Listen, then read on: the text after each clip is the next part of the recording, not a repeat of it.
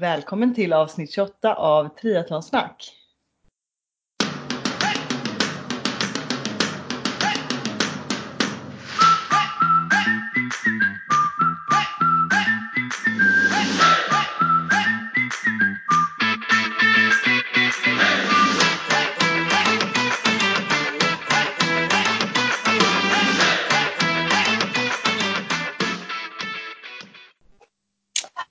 Ni mig som vanligt, Sofia Häger och Therese Granelli. Tjena! Hur är läget Sofia? Jo, men det är bra med mig. Eh, lite så här, musten har gått ur en idag. Vi sitter här på söndag förmiddag, eller runt lunch och spelar in. Exakt. Och Och, skulle ju åka till Plaitas imorgon. Men det här jävla coronaviruset va? Det hindrar oss. Så vad var det? Igår kväll fick vi reda på att vi inte kommer få åka.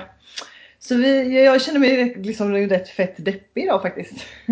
Hur känner du Sofia? Ja, det är liksom planerat för dryga veckans semester och nu ska jag tillbaka imorgon måndag och jobba då helt enkelt. Ja, det är ju, ja nej. Alltså som jag sa till dig förut så hade man lite så här, ja men på känn att det kan gå åt helvete. För det har ju, den, det har ju hänt väldigt mycket hela tiden under veckan och det har bara blivit värre och värre. Eh, Så min packning ligger liksom bara upplagd på golvet. Jag har inte packat ner i väskan och så här. Men man levde ändå på hoppet att man skulle komma iväg. Så igår när jag fick reda på detta, vi blev helt ställ, deppiga båda två. Och Viktor kände precis som du bara, ska jag jobba imorgon? liksom. Och jag längtade så till sol och värme. Så det är, ja det är Ja. tråkigt. Speciellt att cykla liksom Ja. ute i solen. Och... Ja, men det, det är inte så mycket att göra åt. Det är säkert bra. Bättre, Ja. alltså, med tanke på omständigheterna. Det är bättre det än att vi hade åkt dit och sen få åka hem direkt eller att vi Ja, skulle bli fast. Ja, och eh, jag håller med. Men samtidigt som man bara, fan också. Ja, Om man får säga så. precis. Det är Ja, sammanfattande. uppdaterade liksom, nyhetsappar och saker hela dagen igår. Mm. För att jag Ja, visste att gud. de skulle, Spanien skulle komma ut med någon så här presskonferens och Ja. statement och sen Men får det- jag inte reda på det förrän typ så här 8-9 på kvällen. Mm. Och då bara, jag blev så, ja jag blev depp då också. Ja, ja. men idag vi båda två bara hopp, nej men vad gör vi? Typ legat, jag bara jag är trött. jag bara sover Ja. borta. Och så är den grå jävlig också. Du, du har väl till och med rest till Skara, eller visst har du det? Ja, så jag är hos mina föräldrar nu för Ja. pappa skulle köra mig till Landvetter. Så jag har ju liksom min fina cykel står här packad i cykelväskan och resväskan är packad och hur det så har jag flörtat med pappa så att han ska köra mig hem. Så jag Ja, slipper det var snällt. Gud, vad snälla föräldrar du. du. Ja, det, det är ett plus i alla fall. Men Ja. det blir en liten omställning. Ska mejla min chef också och säga att jag kommer till jobbet. Ja, men exakt. Viktor med. Tänk om inte jag, han har ändå tagit semester. Han bara, jag kan inte förvänta mig alltså hundra att jag kan bara ta tillbaks den och komma och jobba. De kanske inte har något att göra. Men det tror jag inte är något problem. Men han, eh, så vi får väl se. Kanske får göra, göra semester hemma här en vecka. Ja. Fördelen med det här nu då är väl i alla fall att jag är hemma på min födelsedag. Oh, Så det blir lite trevligt i alla fall. Ja, Mm. kul. Fast det hade varit Men- kul att fira den där med kan man väl säga. Ja, det är bara det att sambo inte skulle med på resan. Nej, så det var det är sant. Det, tråkigt. det är sant. Men ska vi eh, hoppa vidare? Vi har ju en sponsor för detta avsnittet också. Ja. Du kan få dra. förläng- Mm. Ja, det är lite förlängning på förra avsnittet då vi intervjuade Jonas Spår Mm. som är en av grundarna till Selexir. Eh, och eh, sp- primärt då Selexir Endurance är sponsor även för detta avsnittet. Och jag har ju själv testat Selexir, jag tror jag nämnde det lite kort eh, i förra avsnittet, men det är ett tips till er lyssnare. För det har faktiskt gjort min träning och prestation mycket bättre på sistone. Jag har som jag berättat förut haft ganska svårt att liksom pressa mig till tuffa träningspass och ta ut mig. Jag behöver liksom en tävling för att ta ut mig till max. Eh, och svårt att liksom inta olika pre-workouts och sportdrycker och sånt som känns konstigt. Jag vill liksom ha det ganska naturligt. Eh, både för att det känns bättre och för min mage som är väldigt känslig. Och Selexi Endurance som jag testat då funkar faktiskt väldigt bra. Eh, och jag har använt det både till det, jag tror det primära syftet är att det är till längre distanser och liksom längre tävlingsdagar. Så jag använder det till långa träningsdagar och även extra tuffa cykelpass. Eh, och det har funkat jättebra för mig. Båda de här gångerna har jag blivit, jag märkt en ganska stor skillnad faktiskt på primärt min, mitt mentala humör. Mm. Eh, du har hållit dig uppe liksom? Ja, speciellt under de här långa dagarna för då har jag haft kanske tre timmar cykel, direkt hoppat på att simma och sen haft någon annan träning, styrketräning eller löpning eller något också. Och liksom inte fått någon dipp eller så här, åh gud vad jobbigt att gå och simma nu när jag har cyklat. Utan det har mer varit så här, ja men nu kör vi då, kör vi nästa. Så det tror jag det är mycket mentalt som spelar in. Ja, eh, och även på intervallpassen så kände jag ju mig mer pepp på intervallerna och presterade bättre under intervallerna om man tänker om man pratar siffror och så. Mm. Du har hållit högre tempo helt enkelt? Eller kunnat pressa upp pulsen högre också eller? Ja, men både och. Alltså det blir lite som att dricka kaffe kan man ju säga, koffein, mm. fast med lite extra stjärna i kanten kanske. Um, och det är då Selexir Endurance som är Selexirs nyaste produkt och det man får i portionspåsar. Det är eh, ett litet pulver som man häller i vatten eller sin sportdryck eller vad som passar. Så dricker man det några minuter innan sitt träningspass och håller man på väldigt länge så kan man även fylla på efter, vad sa Jonas förra avsnittet? Efter tre två tim timmar. Tre timmar ja. sa han. Ja. Precis. Mm. Eh, och eh, Selexi Endurance är ju framtaget tillsammans med forskaren Mikael Mattsson som jobbar både i Stockholm och i Kalifornien på bland annat Stanfords University. Och hans huvudfokus är individanpassning och prestation som har lett till de totalt 15 ingredienserna som har skapat Selexi Endurance. Och de är, precis som jag beskrivit, eh, ingredienser som är uppdelade i olika fokus. Så både för fysisk prestation, alltså kroppen, och, det, och även det mentala. Eh, så mentala är mycket koffein och eh, jag kommer inte ihåg vad det heter, men i alla fall sånt som boostar liksom det mentala. Som saffran och sånt tror jag. Ja, det var det. Ja. Mm. Så det är en väldigt cool produkt också tycker jag. Eh, och jag ser väldigt mycket fram emot att använda Selexir på tävling. Nu vet vi dock inte om det blir så mycket tävlingar. Precis, vi får se vad som händer. Och jag kan väl lägga in då att jag ser fram emot då, jag har ju också eh, eh, Dorans här hemma men jag har inte riktigt vågat använda det än. Och det är verkligen, det är bara personligt att jag inte vill äta det när jag ammar. Men det är, det är inte att det är någon fara att göra det när man ammar, det är bara att jag inte vill det.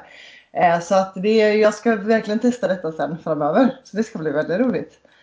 Jag ja. tycker att det låter som en spännande produkt precis som du säger. Och det som ditt resultat och det man hör de som använder det, hur de upplever skillnad. Det ska bli väldigt kul att få eh, se om man själv känner samma sak. Ja, för man läser ju mycket på så olika pre-workouts och tillskottsgrejer, hur mycket det gör, men det ofta så gör det ju inte så stor skillnad. Nej, Därför nej. blev jag ganska förvånad när jag verkligen kände skillnad. Ja.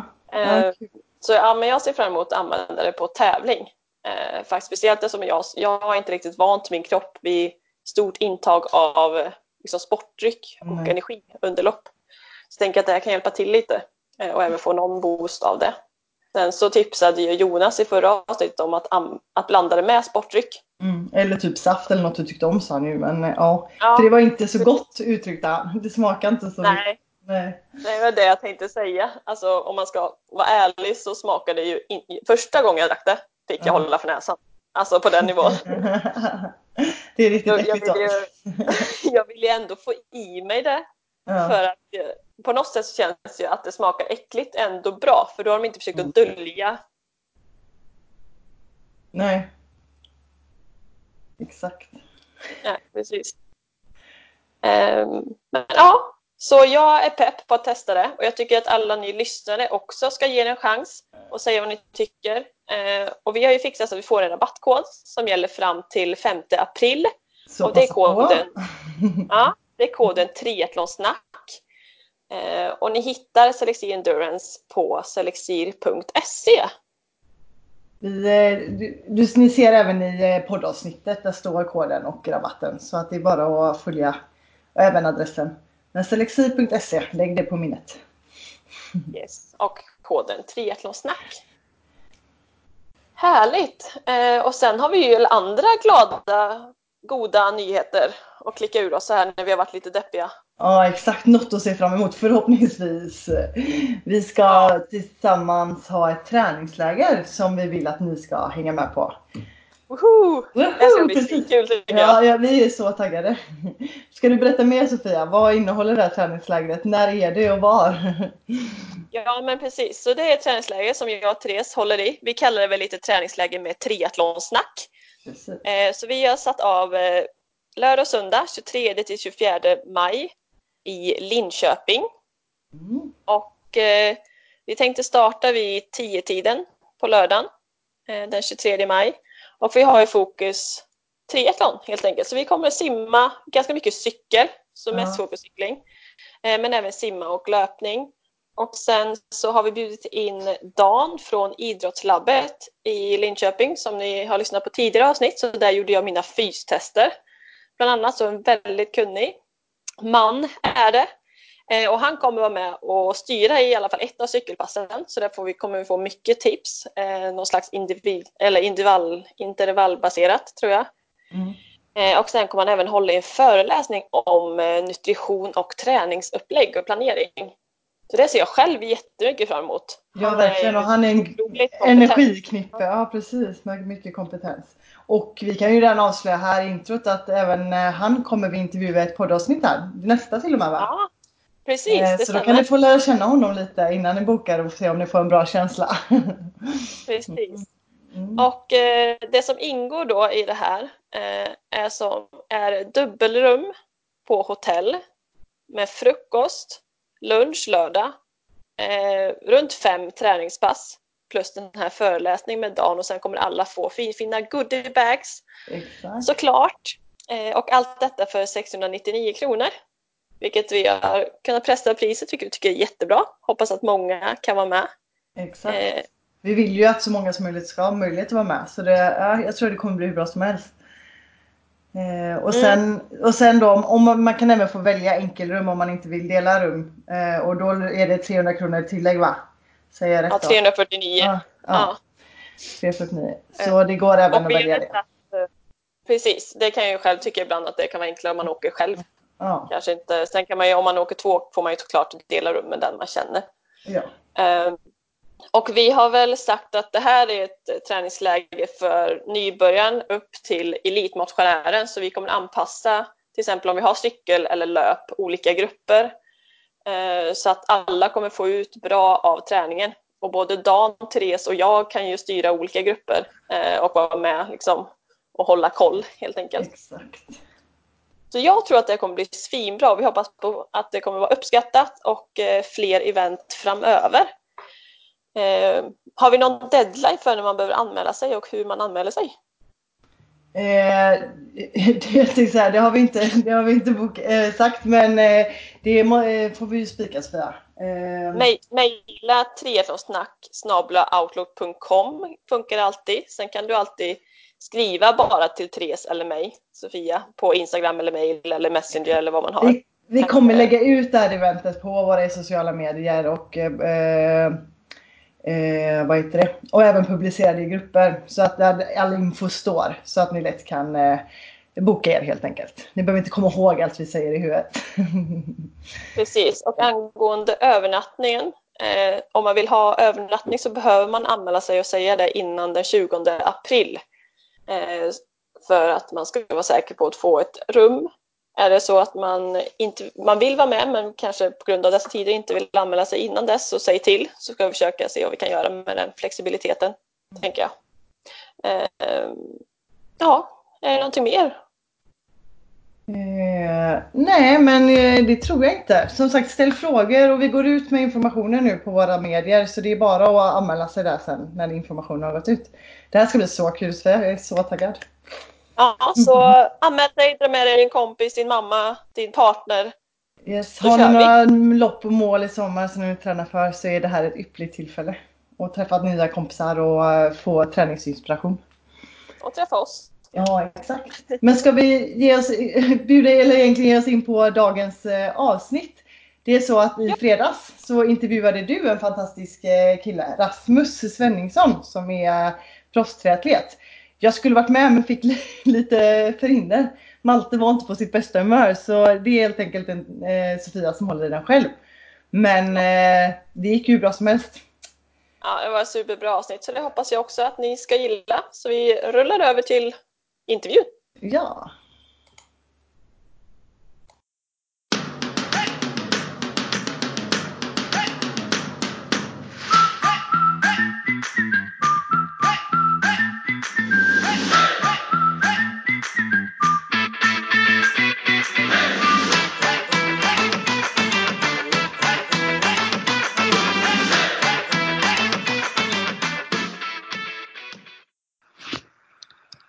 Ja, så i detta avsnitt ska vi intervjua Rasmus Svenningsson som imponerat bollar med att vara heltidsläkarstudent samtidigt som sin satsning som proffs i triathlon.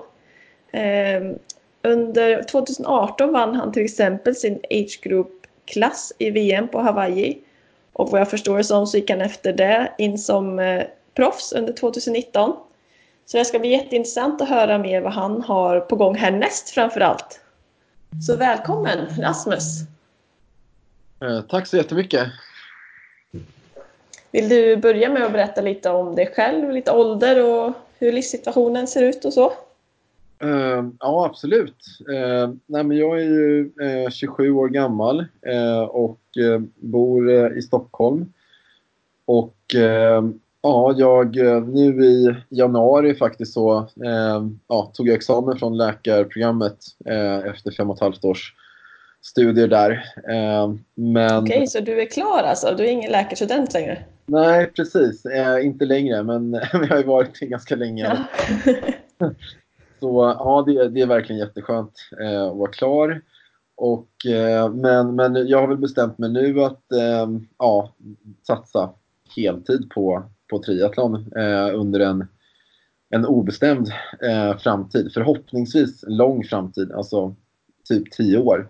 Eh, och vi får se vad som händer med, eh, med läkarbanan sen då. Men jag känner att det, det är lite grann nu eller aldrig som eh, eh, ja, det, det är triathlon jag brinner mest för helt enkelt just nu och eh, då känner jag för att äh, nu vill jag bara gå, gå all in där och, eh, och se liksom hur, hur långt jag kan nå, hur bra jag kan bli och eh, om, om jag kan liksom livnära mig på det här i, i framtiden. Eh, så att eh, ja, nej, men det är väldigt, väldigt spännande. samtidigt som det såklart in, alltså det är en skön trygghet också att, att ha att ha utbildningen som man kan falla tillbaka på också då om, om saker och ting inte skulle gå som... Eh, det finns ju inga garantier naturligtvis. Inom, Nej, du har, ju, du har ju en väldigt bra grund då om du har en klar utbildning. Eh, hann du liksom specialisera dig på något visst yrke? Liksom vad för läkare du ville bli eller så? Eh, nej, jag, gick ju, jag, gick, jag har gått klart grundutbildningen. Mm. Eh, så att, eh, det som skulle vara nästa steg då i den banan är ju eh, ja, AT-tjänstgöring. Då. Ehm, och, ehm, och sen så därefter så väljer man att specialisera sig i någon viss spe specialitet. Då. Ehm, så, att, så att jag har liksom inte, nej jag har ingen ideell inriktning än så länge. Nej, och du vet, du har inte något så spikat exakt vad du vill göra heller? Om du skulle hamna på läkare? Nej, nej det, nej, det har jag verkligen inte. Jag har väl några så här, eh, områden som jag tycker är väldigt intressanta. Eh, och och liksom att, att bli någonting liksom idrottsrelaterat skulle absolut, det, det skulle absolut kunna vara ett alternativ. Eh, nu finns det liksom ingen riktigt sån utstakad liksom, idrottsmedicinspecialitet utan eh, då får man väl välja Får starta någon... något sånt helt enkelt. Ja, ja men absolut. Alltså, det finns ju de som ändå har den in, inriktningen lite grann så här, men, men de har oftast en annan specialitet att stå på då i, i grunden. Eh, och eh, ja, nej men, eh, men absolut, det, ja, vi, får, vi får se. Eh, men just nu så tänker jag inte så jättemycket på det faktiskt, utan jag, jag lever mest i triathlonbubblan faktiskt.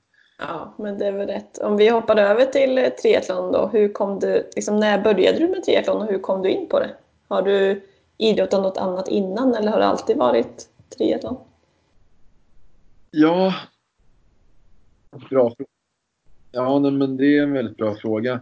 Eh, jag har absolut ingen bakgrund som, som triatlet. Eh, jag höll ju eh, på med längdskidor eh, under min ja, barn och ungdomsår kan man säga. Och även tidig vuxen ålder. Eh, och gick skidgymnasiet.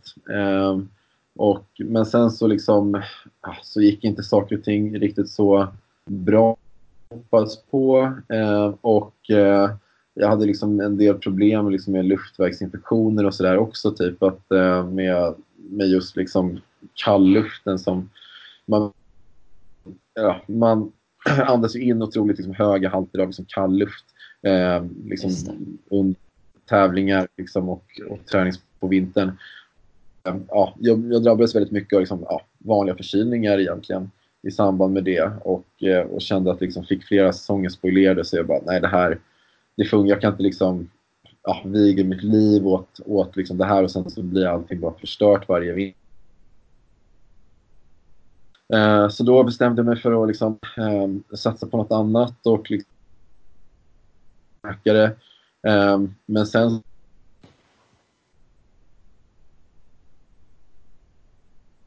och jag kände att eh, jag måste igen här i Um, och jag, hade, liksom, jag har ju alltid hört talas om att eh, Jag anmälde mig till, till en Ironman eh, och eh, ja, det gick väl sådär verkligen kan man säga. Eh, ja, det var massa liksom, egentligen sjuka omständigheter som, som, som gjorde att det, liksom, det gick sådär första. Men jag var ändå såhär, ja, men jag måste ju jag måste ge det här en chans till. Liksom, och, och så tränade jag lite mer och sen så, så fick jag till ett väldigt bra lopp året efter. Liksom, det var egentligen första året som jag tränade inför, eh, inför Ironman.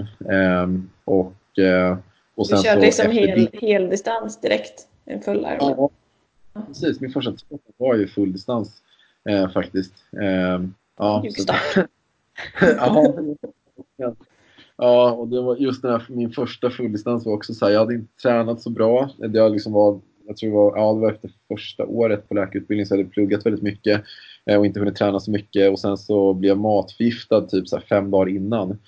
Eh, så jag ställde mig på startlinjen så här, eh, ja, helt, hade typ inte ätit på liksom tre, fyra dagar och eh, Ja, jag var, det var typ så här, jag var, lite, jag, jag var inte så van vid anmälningsavgifterna, Ironmans anmälningsavgifter då, så jag var så här, men fast jag har ju betalat 7000 spänn för att köra det här. Ja, precis.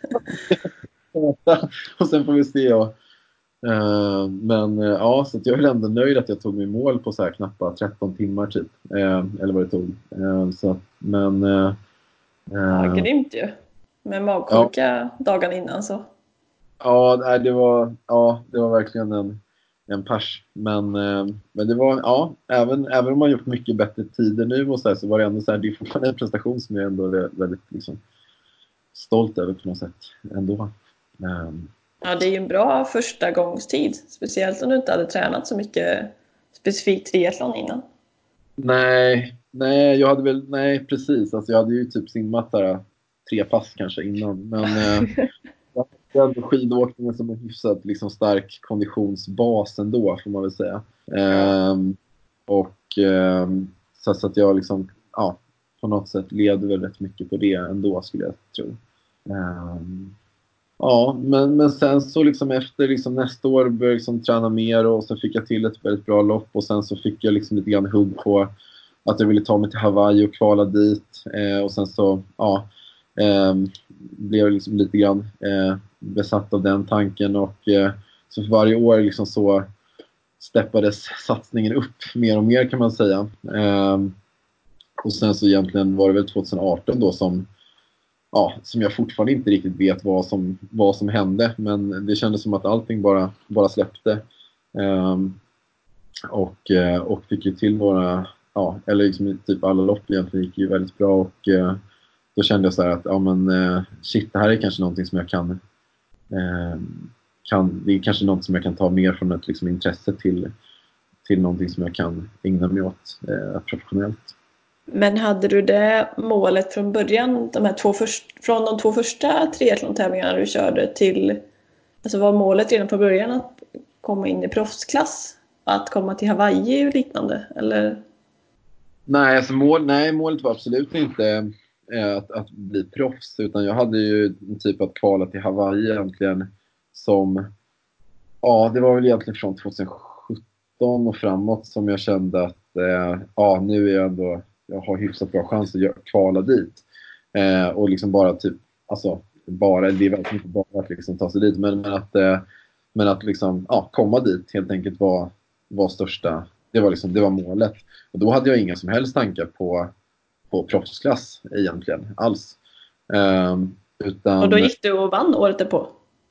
Ja, ja precis. Ja. Alltså, ja, jag vet, och det var det som var så sjukt också för det var verkligen, alltså jag var ju verkligen, när jag körde då Hawaii 2018 och vann min age group där så jag hade verkligen liksom innan säsongen så var verkligen målet att jag vill kvala till Hawaii. Det var, det var verkligen det och jag hade varit jag var hur överlycklig som helst när jag gjorde det också. Ehm, och, eh, och sen så fick jag en väldigt bra resultat men jag liksom ville ändå så bara Alltså jag hade jobbat så hårt för att bara kvala dit så jag kände ändå att jag vill liksom åka dit och bara njuta av att ha kommit dit.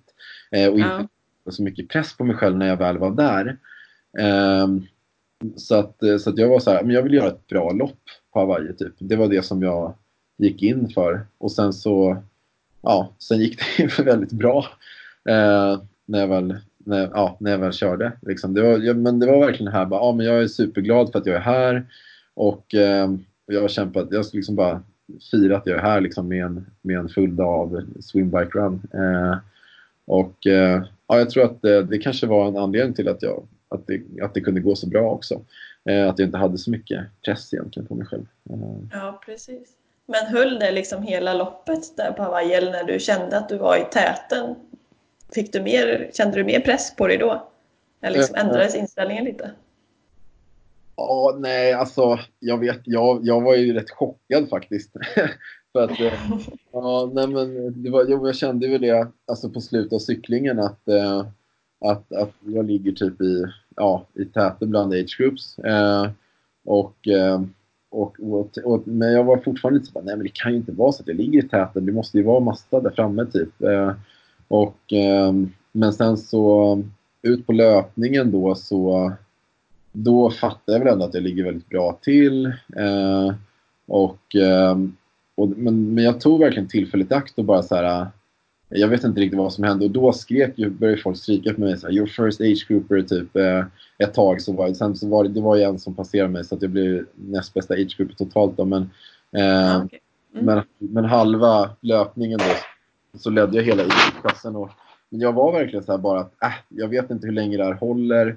Uh, jag måste bara liksom nj njuta så länge det varar. Vi får se. Det kanske är ett vinnande koncept ändå, för då är man ju liksom mer avslappnad på något sätt. Ja men precis, alltså verkligen. Uh, och, uh, och det kändes som att jag, jag var ju fylld av väldigt positiv energi. sen så är det klart att när det var kanske så typ en mil kvar eller någonting så Eh, eller så här bara kanske fem kilometer kvar. Då kände jag väl så att nu är det lite grann mitt lopp att förlora om jag inte tar det här också. Eh, mm. och, eh, och jag var ju nära då på att bli omsprungen av en, av en ja, han som blev tvåa då. Eh, han, han jagade mig febrilt eh, fram till, ja, han hade en minut ner liksom, eh, eller upp till mig som, ja. som och då fick jag liksom tider då min pappa, var egentligen första tiden, för jag sa det, jag vill inte ha någon tider, jag vill bara göra mitt lopp typ. Eh, men då vid 3-4 kilometer kvar så sa han att ja, det är en minut mer så att då var jag tvungen att, då var jag tvungen att spurta då. Eh, så, att då, så då gick jag verkligen, då kände jag så här att nej men nu har jag, jag har plågat mig till det, då kan jag lika gärna plåga mig lite till och, och ta hem det här på något sätt, kände jag. Ja men grym känsla ju. Ja, jo men det var verkligen men det, var, men det var ju på något sätt att man inte, jag fattade nog inte riktigt under ja, loppet. Liksom. Det, var bara, det bara gick så fort. Och, ja. Um, men men jag, jag tycker ändå så att jag, jag njöt väldigt mycket av, den, av de åtta timmarna, eh, som, eller åtta och en halv timmarna som, eh, som det tog. Alltså det, så det, var, det var en väldigt trevlig upplevelse. Eh, trots att det såklart var jobbigt också. ja, vad fick du för tid? 8.34 kom jag in på Eh, där. Var det ganska eh, tätt på efter det som du bestämde dig att gå över till proffsklass eller hur gick den processen? Eh, ja, alltså jag hade väl egentligen bestämt mig innan eh, Hawaii att, Ah, jag, okej. att jag skulle göra det. Eh, så det var väl då efter, efter första loppet 2018 eh, i som jag körde i Sydafrika eh, där, jag, där jag vann min age group. Och då kände jag så här, shit, nu kanske jag ändå man kanske börjar fundera lite på om jag ska göra, köra proffs nästa år och se. Um, och sen så gjorde jag ett väl, ett, en väldigt bra tävling i, i, um, på en halvdistans också i Elsinore. Um, ehm, ja, 70.3 EM eh, där eh, och blev bästa age-gruppen totalt. Och då, då kände jag så här, ja, det hade varit så, det var så, ja, det var en väldigt liksom Ehm, um, skum säsong för jag liksom bröt så många barriärer, inte minst så här mentala barriärer. Um, att jag liksom, jag, sprang, jag gjorde en väldigt bra liksom halvmaraton där. Eh, och liksom, det var sån här, jag gjorde liksom en tid som jag trodde att den här halvmaratontiden kommer jag liksom, det kommer jag aldrig, jag är, liksom, jag är för tung för att liksom springa halvmaraton så här fort typ. Ehm, men, men så kändes det bara, men så gjorde jag ju det ändå. Och då var jag så här bara, okej, okay, jag kanske kan springa ännu fortare. Vem vet? Eh, och liksom, det, det, var mycket så här, och, och, det var väl egentligen efter den tävlingen som jag kände bara så här, äh, men nu... Eh, jag hade liksom satt upp massa, liksom, typ, antagligen massa mentala barriärer för mig själv som jag lyckades spränga på något sätt. Och då kändes det som att äh, men nu, nu vet jag inte vad, vad det finns, var gränsen går riktigt. Så att nu är det bara liksom att sticka ut och försöka, eh, försöka se, se liksom hur, mycket, hur mycket mer man kan, man kan spränga eh, fram. Typ. Hur har det känts sedan dess då? Hur känns det idag? Det känns fortfarande som du är på så här raketfart i utvecklingen eller?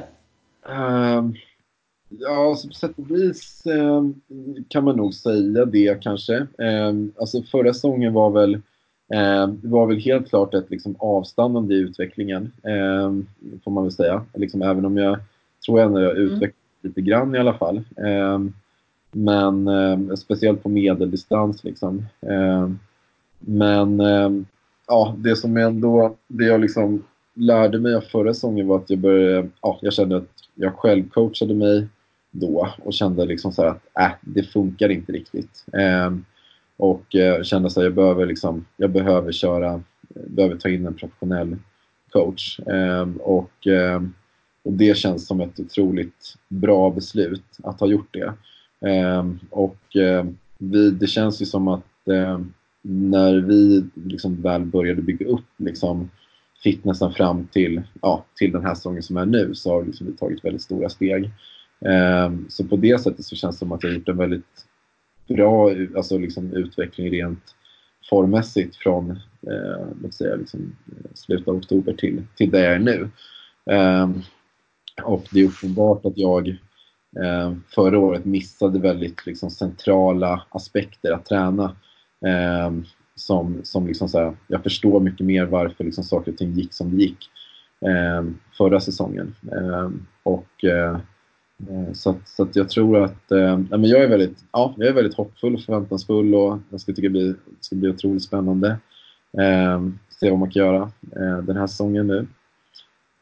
när, när började du med coachandet? Eller att du tog hjälp av en coach? Ja, det var ju Jag körde ju Kalmar då, eh, 2019, men bröt där. Eh, och eh, det var väl egentligen så att jag hade känt under ett par månaders tid eh, innan dess att saker och ting gick liksom sakta men sakta ut för egentligen. Eh. Jag försökte liksom rädda upp det där lite grann. Jag pikade ganska tidigt under, under 2019 eh, formmässigt eh, och liksom körde, körde Ironman halv, ja, Ironman 70.3 Marbella. Och eh, ja, det var ett resultat som jag fortfarande är väldigt nöjd med. Det var ett, ett bra resultat där liksom. Men sen så efter det så, så liksom hittade jag inte riktigt tillbaka till formen. Eh, och, eh, och den blev liksom bara sakta men säkert sämre. Så det var väl liksom efter, efter Kalmar då jag kände att nu är jag liksom på ett nu är jag en plats där jag inte riktigt förstår vad det är som händer och, eh, och jag är också ganska ensam i den processen. Liksom att vara själv och försöka reda ut det här. Ehm, och, eh, så det var efter det då egentligen, eller några veckor efter som, som jag började köra med ehm, som jag började köra med en coach. Vem uh, har du som coach om du vill säga det? Uh, absolut. Uh, men David Tilbury Davis heter han. Uh, är för närvarande baserad i Finland. men, men har kommer ursprungligen från Storbritannien och bott en del i USA. Mm. Så att, ja. Vad skulle du säga är den största skillnaden i ditt liksom, träningsupplägg och ditt tänk nu med coach jämfört med innan när du coachade dig själv? Um, det som är nog, alltså det främst, den kanske absolut lätt, eller enkla saken att eh, peka på är liksom volymaspekten i träningen. Eh, att jag har mycket mera, ja, jag har mycket mer timmar nu. Eh, och eh, det hade väl, jag hade väl liksom lite sånt, eftersom att jag fortfarande pluggade förra året, ehm, så, så var det inte riktigt möjligt att göra samma typ av volym. Ehm, så att jag hade försökte ha ett liksom lite mer intensitetsfokuserat träningsupplägg. Ehm, och sen så är det väl att nu har vi liksom försökt titta väldigt mycket på metabola aspekter i, ehm, med typ så fettförbränning och liksom så kolhydratförbränningen och liksom, eh, laktatmetabolismen också. Eh, för att liksom maximera så att man inte liksom tar slut på energi då. Eh, för jag var nog extremt ineffektiv så att säga. Och, eh, eh, ja, det har kommit upp mycket liksom, kunskap inom det här området de senaste, senaste åren som, som är väldigt användbara. Eh, och, eh, så så det, är väl, det är väl den största skillnaden skulle jag säga. Eh, och liksom att ha en generellt ökad volym är också ett sätt att um, träna de här metabola systemen. Um. Vad ligger du på, på för volym nu ungefär, om vi tänker nu i mars månad? Ja, ehm, nej, jag har väl, nu ligger jag väl på en kring 25 timmar i veckan ungefär eh, i snitt. Eh, träning. Ehm, ja, så att jag började räkna då efter jag tog examen och då har det väl legat på drygt, sen dess, det är väl en 7-8 veckor sedan nu, då har det väl legat på en, ja, drygt 25 timmar sen dess då. Uh, och innan dess kanske 20. Uh, Okej. Okay. Mm. Mm. Du fick ändå ihop 20 timmar när du pluggade till läkare? Uh, ja, mestadels fick jag väl det. Uh, inte... Hur, hur pusslar du ihop det, undrar jag då? ja, Nej, men det är väl en bra fråga. Nej, men jag hade väl fått ganska bra rutin i, eh, i plugget kan man väl säga också. Eh, så att, eh, men, men visst, alltså det var väl ändå, säg att jag låg, när liksom det var ändå mycket plugg så, så var det kanske mellan 15 och 20 timmar. Eh, men, eh, men jag, ja, jag vet inte. Jag gjorde väl, kanske man kan säga lite grann, men eh, Eh, Men är du en sån person som liksom planerar eller du går på rutin så att det blir lite samma varje dag eller hur? Eller hur får du liksom in de här timmarna? Nej, jag planerade ju, såg ju liksom hur mitt schema i skolan såg ut och sen så liksom la jag upp det vecka för vecka. Eh, eller flera veckor i taget också ibland. Eh, för att se så här, men nu kan jag få, få till de här timmarna och göra de här passen och nu passar det bra med det här upplägget. Eh, så att, eh, och sen så får man vara disciplinerad. Ehm, men jag var också noga med att, med att inte liksom göra för mycket våld på mig själv heller. Ehm, I form av, alltså så här, jag ska, som att ja, men jag är en person som inte, jag tycker inte det är nice att gå upp klockan fem och simma till exempel. Mm. och då, då, då, då tänker inte jag göra det heller. Jag tror ändå att det är jätteviktigt att behålla liksom glädjen och eh, eh, ja, att man tycker det är roligt liksom, och inte göra saker som man är alltför obekväm i alltså gång på gång på gång. Utan det ska ändå vara, alltså jag tror att det blir svårt att prestera eh, om man, om man, ja precis, gör, gör för mycket våld på sig själv när saker och ting liksom inte, man måste hitta ett sätt, det är klart att man måste ju, om man ska komma upp till en viss nivå så måste man göra ett visst antal timmar och, och träna ganska hårt och sådär. Så eh, men jag tror ändå typ att man ska ju hitta en väg som gör att man är så avslappnad och liksom harmonisk och tillfreds med det som möjligt. Liksom. Eh, så, så det är också en viktig aspekt liksom, i, i det hela. Eh, att man hela tiden liksom ville, ja, att det, det ska vara kul. Liksom. Ja, precis. Ja, men det är nog jätteviktigt. Verkligen. Eh, så att man har drivet, ja. framförallt. Ja, men precis. Absolut. Ja. Känner du att din tid som liksom läkarstudent eller att du kan mycket i den branschen att det ger dig en, liksom ett plus i din triathlonsatsning? Alltså att du lärt dig mycket om kroppen och hur den fungerar eh, och sånt i din träning och satsning. Känner du att du får någon hjälp av det? Ja, absolut. Ehm, det är väl egentligen kanske två aspekter i det som, som, skulle, som jag tycker ändå är kanske viktiga att liksom, eller ja, varit viktiga för mig att i alla fall att man kan lägga fram i, i, i den aspekten. Och det är ju till att börja med skulle man kunna säga absolut bara liksom att, att få ett visst, liksom, ett, ett visst tänk kring fysiologi och hur liksom kroppen fungerar. Eh, det är klart att liksom ändå idrottsfysiologi är ju ingen stor del av läkarprogrammet liksom, egentligen. Eh, men, men det är ändå så här massa liksom, biologiska processer som man ändå liksom, och, och fysiologiska processer också eh, som, man, som man känner till grundprinciperna kring. Och eh, det, jag tror att det är lättare att få att, liksom, att man inte riktigt fastnar i små liksom, detaljer så att säga eh, Eh, och få liksom, en bra översiktsbild. Eh, så det är klart att man har stor nytta av det. Eh, när man, särskilt när, man liksom, när jag liksom själv coachade mig, även om jag liksom gjorde ja, misstag också naturligtvis i, i det. Eh, sen så är det väl också den här, eh, det finns ju liksom mycket, en, som, som läkprogrammet liksom upplever för mig så är det liksom en ganska så, eh, också en liksom, har varit en existentiell resa för mig också på många plan. Eh, att, att liksom man exponeras och liksom kommer i kontakt med liksom sjukdom och död och sådär eh, får, fick mig att liksom reflektera över liksom, eh, att hur jag vill liksom leva mitt liv och, och liksom maximera det, det, mest, liksom, det, det liv man har liksom, och eh, göra liksom, make the most out of it, om man säger så. Um, ja, det är ju en bra insikt om något. Ja, men precis. Och det, det kan jag känna nu liksom är väldigt så här, um, att, att många kompisar är så här väldigt liksom, karriärdrivna liksom, och sådär och, och liksom, den, den biten spelar en, en, stor roll i livet och jag kan känna att jag kommit ifrån det lite grann och känner så att ja, men nu, nu ska jag liksom göra det jag liksom känner det jag liksom tycker bäst om liksom, och ger mig mest glädje. Eh, för man vet aldrig vad som kommer hända. Liksom. Eh, det, det gäller liksom att, att eh, utnyttja den tid man har eh, och liksom inte, inte liksom vänta på att, att börja leva så att säga. Eh, så, så där känner jag mig ganska liksom trygg i att liksom... Att, att, I dina beslut? Ja, men precis. I mina beslut och liksom...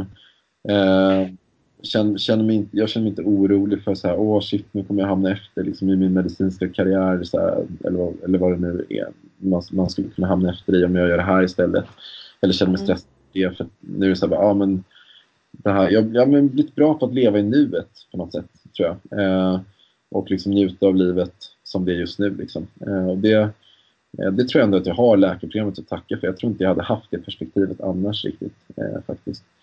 Um, och det, ja, men det gör mig mer harmonisk liksom, som människa eh, varje dag och kan, kan njuta av träningen och, och liksom, livet som elitidrottare. Eh, och, och, det tror jag liksom hjälper i sin tur till att kunna prestera bra också. Då. Vad är det som, eh, om man vänder den frågan lite då, vad är det som driver dig i din triathlonsatsning? Ja, eh, nej men, ja, bra fråga. Nej men alltså det det är väl såklart, alltså jag vill ju vinna lopp. Eh, alltså det är ju, och, och liksom så här, typ tampas om de absolut, eh, eh, det är, så, så enkelt är det ju ändå. Eh, och, eh, men, men det är ju också en stor fascination för vad, liksom, vad kroppen klarar av och sen så är det ju just, kanske inte är just det här liksom, att stå på prispallen och ta emot liksom, medaljen som är det viktigaste utan det är väl mer liksom att vara mitt uppe i i kampen liksom under, under tävlingsdagen. Eh, det är oftast liksom där de mest liksom intensiva känslorna uppstår.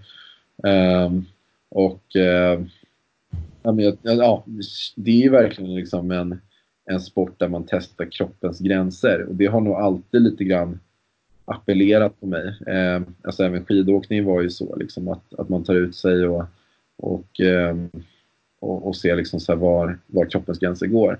Eh, och triathlon är väl ja, nästan ännu mer så skulle jag vilja hävda det kanske.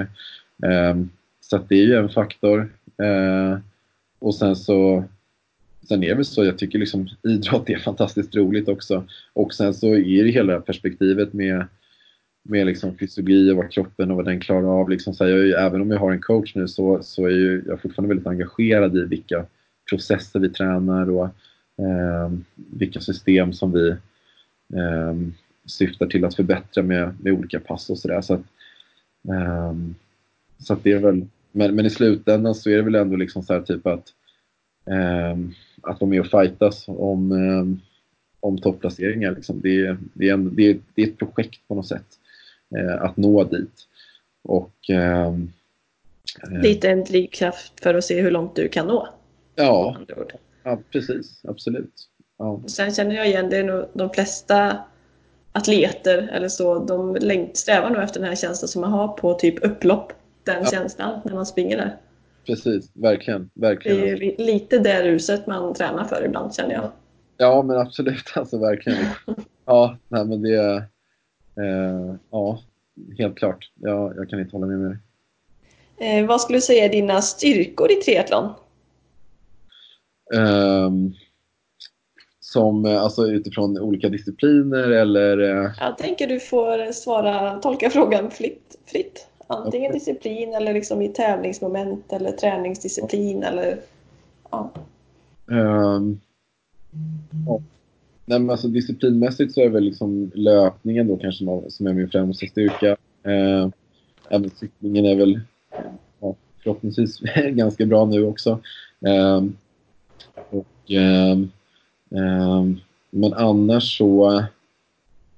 Ehm, nej, men jag tror nog att liksom, jag har en, en stark hunger för att liksom, eh, bli bättre just nu och jag känner mig extremt fokuserad ehm, i, i, min, i min satsning som det är just nu. Eh, och, eh, och liksom är väldigt så att säga, ovillig att kompromissa eh, inom alla avseenden. Liksom just nu så är jag väldigt eh, så här, jag vet vart jag vill nå och eh, nu, nu bara gör jag det som, som jag tror krävs. Liksom. Eh, jag kan ju pressa mig otroligt hårt både i tävling och träning liksom, och både liksom under korta intervaller och långa intervaller och, och liksom över flera veckors tid också. Ehm, så, att, ehm, så att så den aspekten finns ju där. Eh, verkligen som en, som en styrka. Ehm, och, eh, och även att jag har en stark nyfikenhet kring hur, till, liksom, för hur man bäst utvecklar sina förmågor. Ehm, till, ja, liksom, lite grann relaterat till liksom, idrottsfysiologi och, ehm, och, och, den biten då. Så att, ja, de bitarna skulle man hävda är... Mm, har du någon svaghet då?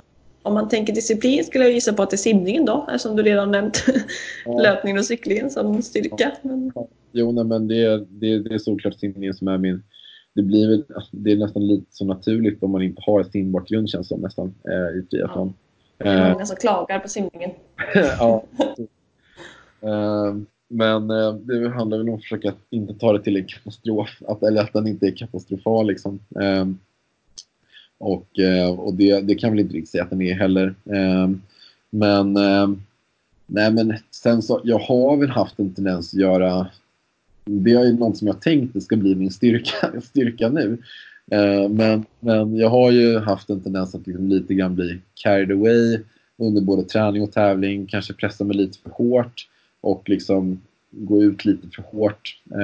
Jag körde ju Ironman Barcelona förra året eh, då jag liksom eh, kände mig urstark på löpningen eh, och, eh, och öppnade första 30 väldigt, väldigt snabbt. Liksom.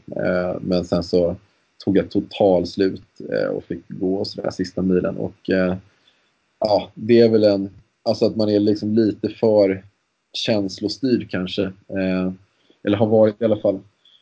Så att där har jag försökt att tänka att vara mera, eller det, jag liksom tänkt att det ska bli min stark, starka sida nu, att jag ska vara mer kylig under loppen. Mm. Ja, det är väl klokt. Det är ju svårt. Liksom, man vet ju själv hur det är i början på ett löplopp till exempel. Ja, ja verkligen. Ja. Man har bestämt sig att hålla ett visst tempo men så rusar alla iväg, då rusar man ju med. Lite så.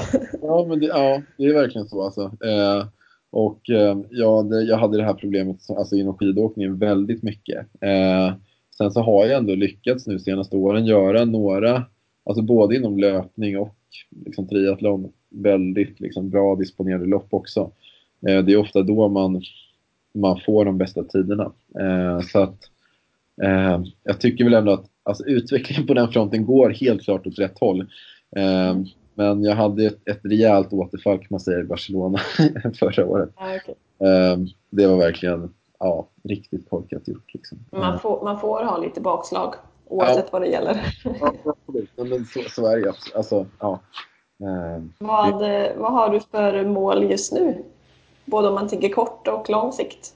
Um, ja, alltså mitt stora mål är väl att, att återigen liksom kvalificera till Kona som proffs.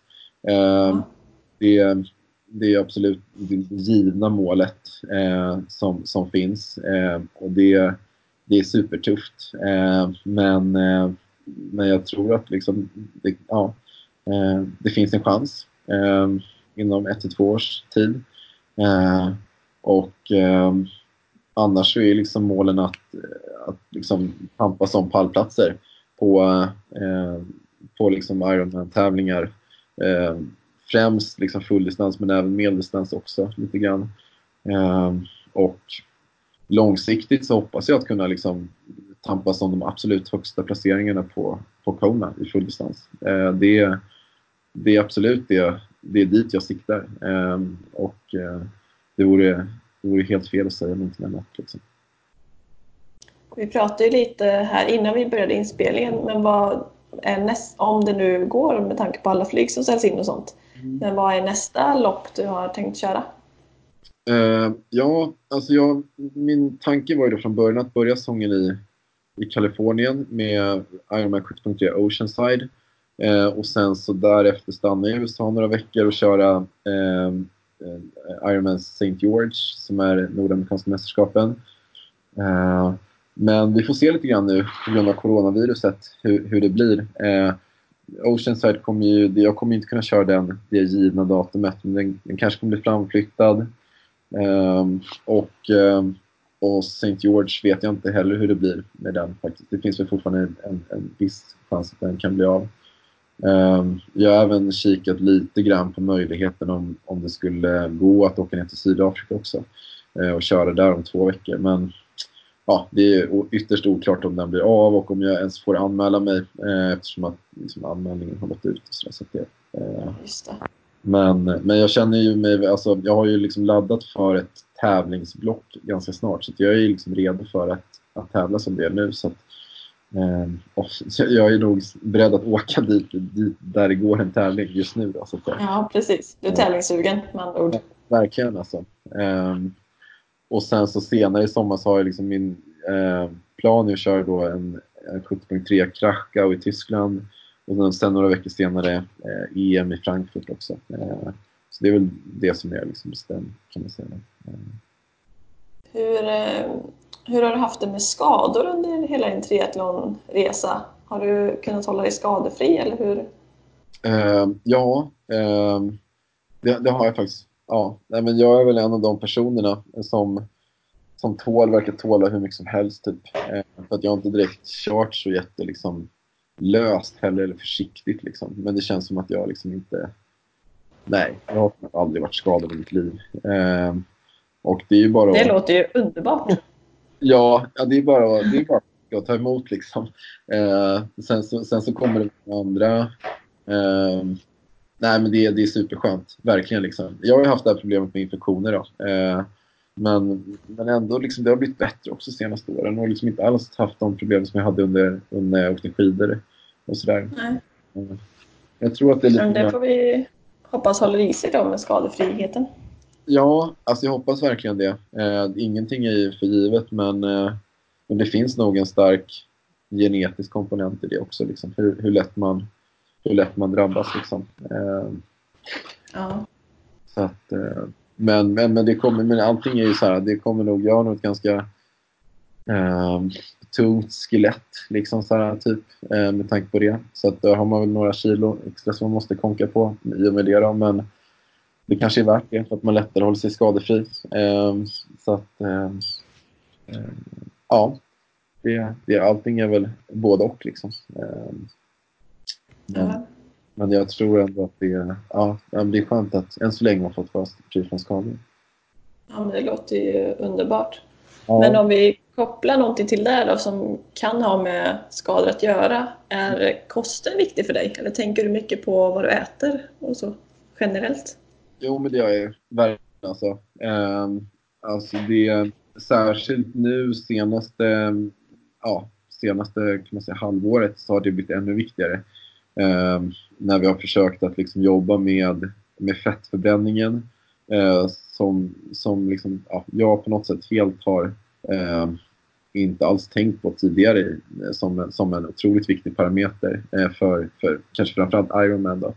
Ehm, så att, så att det så har ju liksom kosten blivit eh, otroligt liksom viktig då.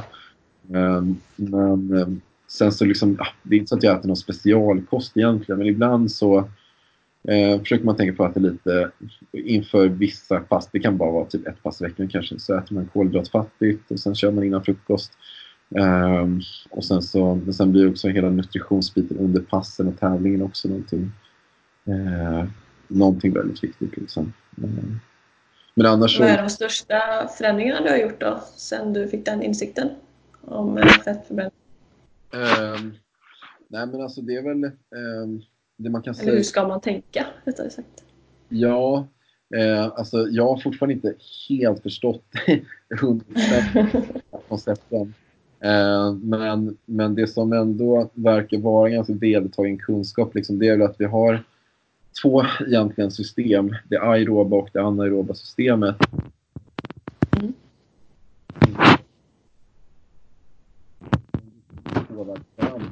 Hur man än vrider och vänder på det. Det går inte att komma ifrån det. Ehm, och så att, så att, liksom att ha en väldigt hög aerob kapacitet samtidigt som du har en väldigt anaerob, hög anaerob kapacitet är inte liksom fysiologiskt möjligt. Ehm, och att om du har en an hög anaerob kapacitet så kommer det påverka den aeroba kapaciteten sämre och vice versa. Ehm, så att, så att liksom, och min anaeroba kapacitet, liksom så här, alltså de glykolytiska systemen, liksom kolhydratberoende systemen har varit för hög helt enkelt, så att det har gått ut för mycket över min aeroba kapacitet. Eh, så att vi hade ett projekt, då, jag och min coach, att liksom försöka sänka den anaeroba kapaciteten eh, drastiskt. Liksom, så här, typ, vilket man, det finns lite olika metoder för att göra det. Liksom, så här, och, och, en del i det är liksom att, att liksom, eh, reducera kolhydratintaget så att, liksom, så att substraten för den anaeroba processen inte helt enkelt finns tillgängliga. Liksom, så man tvingar kroppen att gå över på den aeroba processen, de aeroba processerna. Um, ehm, så att, så att uh, utifrån det då så um, um, ja, så, så liksom, där, där spelade kosten då en, en viktig roll. Liksom. inför vissa pass, inte alla, eller liksom inte de flesta passen. Men, men, men, men en, en betydande andel liksom, så, fick... Eh, Och det är mest för att anpassa dig bättre för långdistans som ni gör det här lilla projektet? Precis, exakt. Eh, främst för fulldistans men, men även liksom medeldistans också eh, skulle man kunna säga. Men, men absolut främst för, för långdistans. Liksom. Men du följer ingen så specifik kosthållning eller så, utan du äter inom situationstecken allt? Uh, ja, absolut. Jo, men det skulle jag säga. Uh, jag äter väldigt mycket grönsaker. Uh, det, är väl, det är väl en, så här, ja, en stor liksom, bas ja. i, i liksom, annars äter jag inte så jättekonstigt. Jag äter ganska mycket vegetariskt också. Men, Eh, men liksom inte hel vegetarian heller. Liksom. Eh, mm. Ja. Om du skulle beskriva en uppladdning inför en viktig tävling då, hur ser den ut? Både med kosten då, kanske de sista dagarna och innan racet och kanske främst träningen sista dagarna innan? Ja. Om det går att beskriva. Ja, ja det, är, alltså, det är jättesvårt, verkligen. Um, men alltså för tapering är något som ändå är väldigt individuellt. Um, att, uh, Har du ändrat det mycket från när du var självcoachad till nu när du har coach? Alltså, vi har liksom inte kört något egentligen lopp eh, än tillsammans. Liksom. Vi har liksom inte tejprat tillsammans med, med David och min coach. Um, så det är lite svårt att svara på. jag tror också att det är ganska...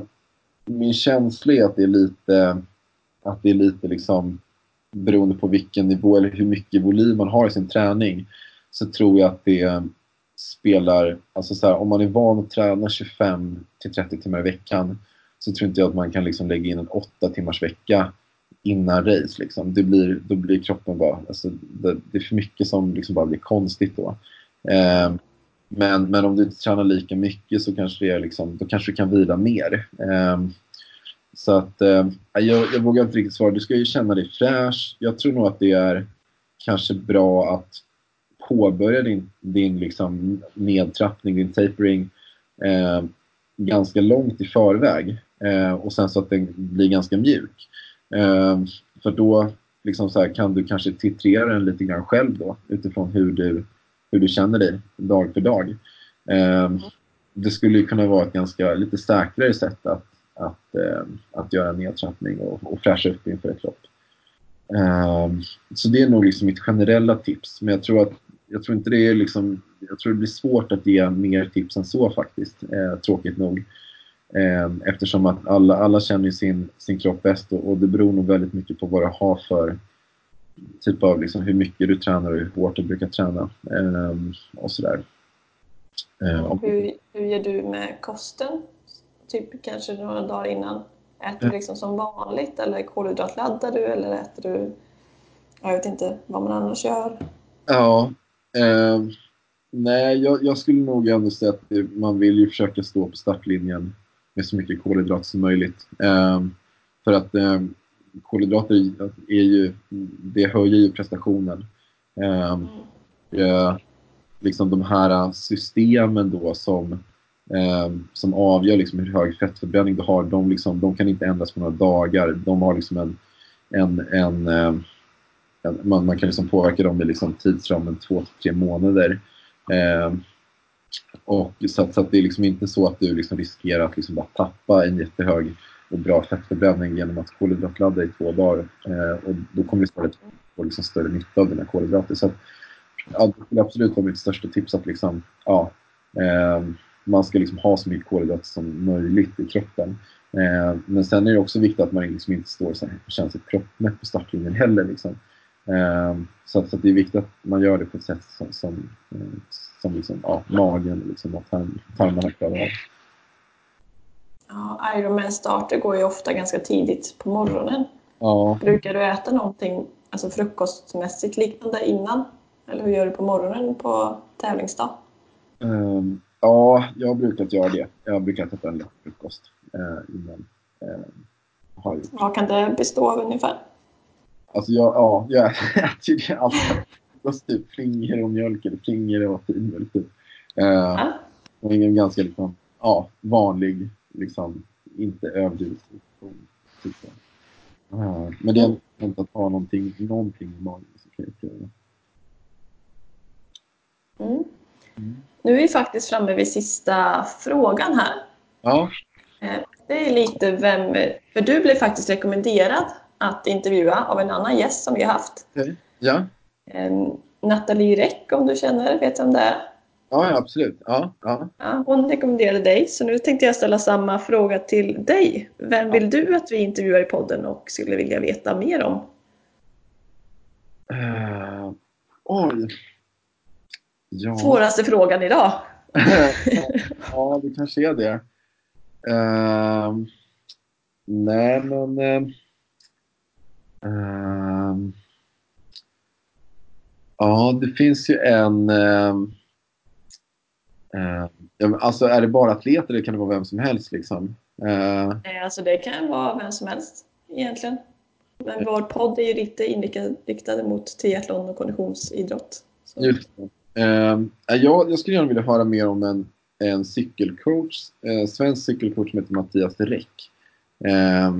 Han är han har tränat på Segafredo, eh, eller är Segafredo och eh, han har också lite grann, nu jag har förstått att han från, från gamla kompisar så har han liksom fått en, en ja, han är ju cykelcoach liksom, så det, det är liksom där den naturliga kopplingen till triathlon. Ehm, och, eh, eh, men han har även, liksom, vad jag har förstått, som börjat intressera sig för längdskidor väldigt mycket också. Eh, och börjat coacha en, en, en kille som eh, med, med liksom ett cykelfokuserat tänk eh, kring, eh, eh, kring liksom lång, alltså en, en kille som, på med som fokuserar på långlopp i längdskidåkning. Och eh, han har gjort otroligt stora framsteg den här säsongen 2019 efter han började coacha som honom. Ehm, så att det skulle vara intressant att höra liksom, hans tränings eh, uh, liksom, så här, typ, och hur man liksom, kan inspireras av cykelcoaching i, i andra idrotter också. Um, Intressant. Lite så här bryta normer. ja, ja, men, Att våga testa nytt. verkligen. Ja, ja, men precis. Exakt. Ja, men Ja. coolt. Det ska vi kika vidare på. Ja, ja. Eh, Sen så har ju du fått eh, lite förberedande från oss för våran topp tre-lista. ja, ja. Där du ska få ge dina tre bästa pass för att få upp en högre distans, distansfart på längre sträckor. Just det. Ja. Ehm, och ehm, då tänkte jag liksom i ett, eh, ja, eller en för varje disciplin då. Ehm, Ja, perfekt. jag tänkte börja med cykel eh, och det liksom tangerar lite grann det som jag pratade om tidigare. Ehm, och eh, det handlar helt enkelt om att eh, vrida ner den anaeroba kapaciteten. Eh, och, ehm, eh, så att, så att jag har kört ett pass som har varit, eh, ja det är ett, ett väldigt hårt pass egentligen, eh, men, men på ett annorlunda sätt. Eh, så att, eh, men man, det är tre och en halv timme totalt eh, och eh, det som liksom själva main eh, sättet är 6 gånger 20 minuter med 10 minuter vila.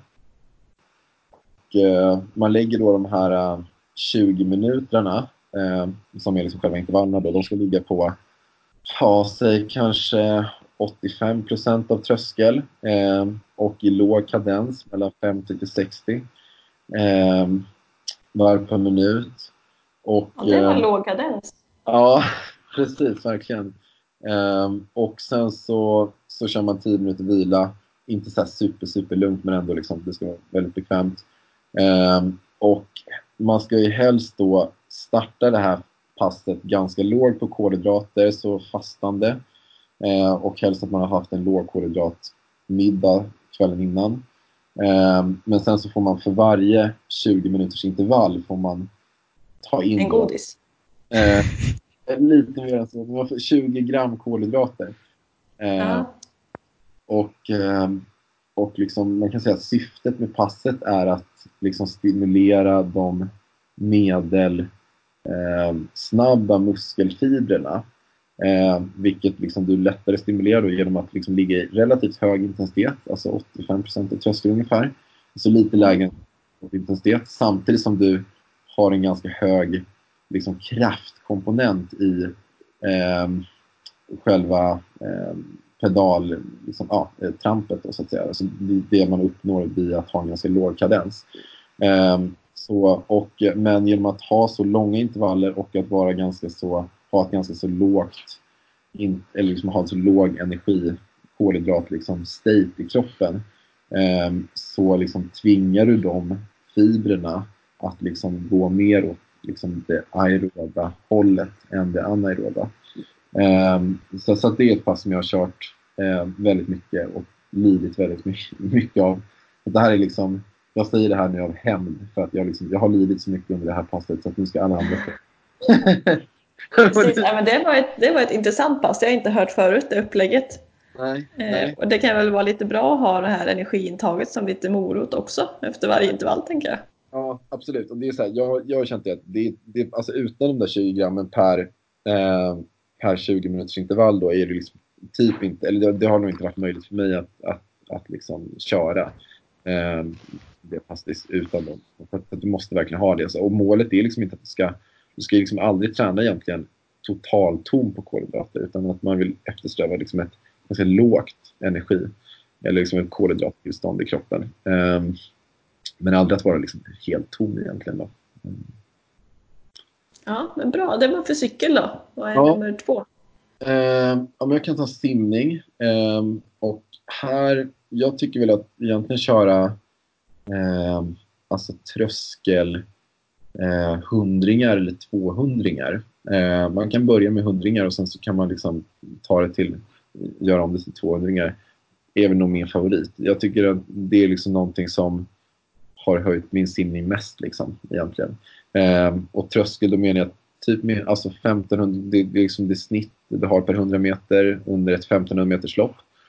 Eh, och eh, alltså sen så att du försöker få en 20-25 hundringar eller en 10-12 200 eh, med eh, ja, en eh, kanske 15 sekunders vila på hundringarna och 20-25 så.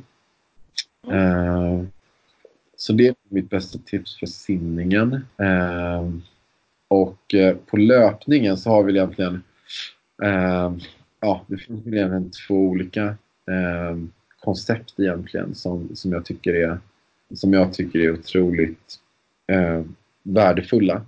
Eh, det är väl liksom att köra, köra långpass, alltså typ relativt snabbt. Men så att du liksom ändå får en bra löpteknik. Men det ska ändå vara så att du kanske ska köra, beroende på hur tränad du är, liksom 20-30 kilometer. Eh, men, men liksom inte bara lunka på, liksom, utan det ska ändå kännas som att du har lite flyt i steget. Eh, det, det är nog mina favoritpass överhuvudtaget, liksom, skulle jag säga. Eh, löp, lång, långpass liksom, som inte är alltför långsamma. Eh, men ändå på en ganska så... Ja, de känns ändå bekväma. Liksom. Eh, men att ändå har lite tryck i steget.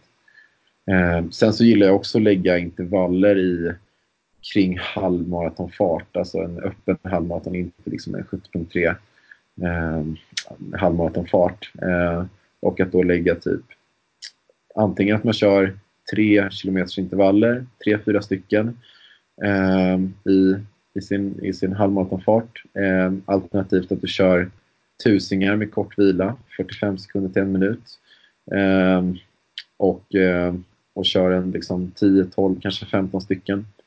Ehm, det, men att man inte, liksom inte, ligger för, inte ligger för hårt på sina intervaller. Liksom, utan man kan gärna ligga där kring halvmaratonfarten eller kanske något snabbare eh, på, på mm. bägge Så att det, ja, men det, det, är mina, det är mina bästa tips. Ja, bra tips, ganska konkreta. Det är bra, kan man bara kopiera rakt av. Ja, ja men precis. Mm. Absolut. Ja, ja. Härligt! Sen är vi inne på sista punkten som vi har i varje intervju som vi kallar fem snabba. Ja, okej. Okay. Eh, så vi kommer, jag kommer ge dig två alternativ där du egentligen utan att tänka för lång stund ska säga det ena. Ja, där du ja. föredrar. Ja. ja. Mm. Redo? Yes. Yes. Träna med eller utan musik? Oj, eh, utan får jag säga. Men jag tränar faktiskt en del, en del med musik. Eh, faktiskt. När jag kör, om jag kör löpande eller trainer så, så kan jag ha musik. Eh, annars om jag kör ute har jag aldrig musik. Ah. Okay. Eh, chips eller godis? Ja, alltså eftersom att en choklad räknas som godis får jag säga godis. Annars så liksom... Men gärna en glass. Nej, det var inte ett alternativ. ja, eh, sprint eller olympisk distans? Olympisk. Skavsår eller håll? Håll. Varma eller kalla förhållanden under tävling? Varma. Det var, ja. Du hade lite svårt för de två första där, men annars så gick det bra. Ja, precis. Ja. Uh, ja. ja. Men olympisk är för att uh, ju längre desto bättre, eller? Ja, ja absolut. Uh. Mm, låter bra. Nu, har du något du vill tillägga som du känner att vi har missat? Som du vill att lä lä läsarna, tänkte jag säga, lyssnarna ska ta del av? Nej. Uh, nej, alltså du får gärna följa mig på Instagram. Uh, mm. Rasmus S3 heter jag där. Ehm, jag är inte jätteduktig på att uppdatera faktiskt, men det kommer då och då. en bra ärlighet. Ja, precis. Men det ska förhoppningsvis bli bättre. ja. ja, det är, Väl, det är väl typ det. Uh, men stort eh, tack Rasmus, jätteintressant. Ja, men jätte... mer av dig. Verkligen, verkligen detsamma. Jättetrevligt. Jag ska bara nämna lite, nästa avsnitt kommer också bli en intervju eh, med Dan som om ni som har lyssnat på de tidigare avsnitten minns har jag gjort fystester hos honom på Idrottslabbet i Linköping. Så honom ska vi grotta ner oss lite mer i fystester och nutrition med. Eh, men då så, då får jag tacka dig Rasmus och alla lyssnare. Tack så mycket. Då får ni ha en bra dag och vecka.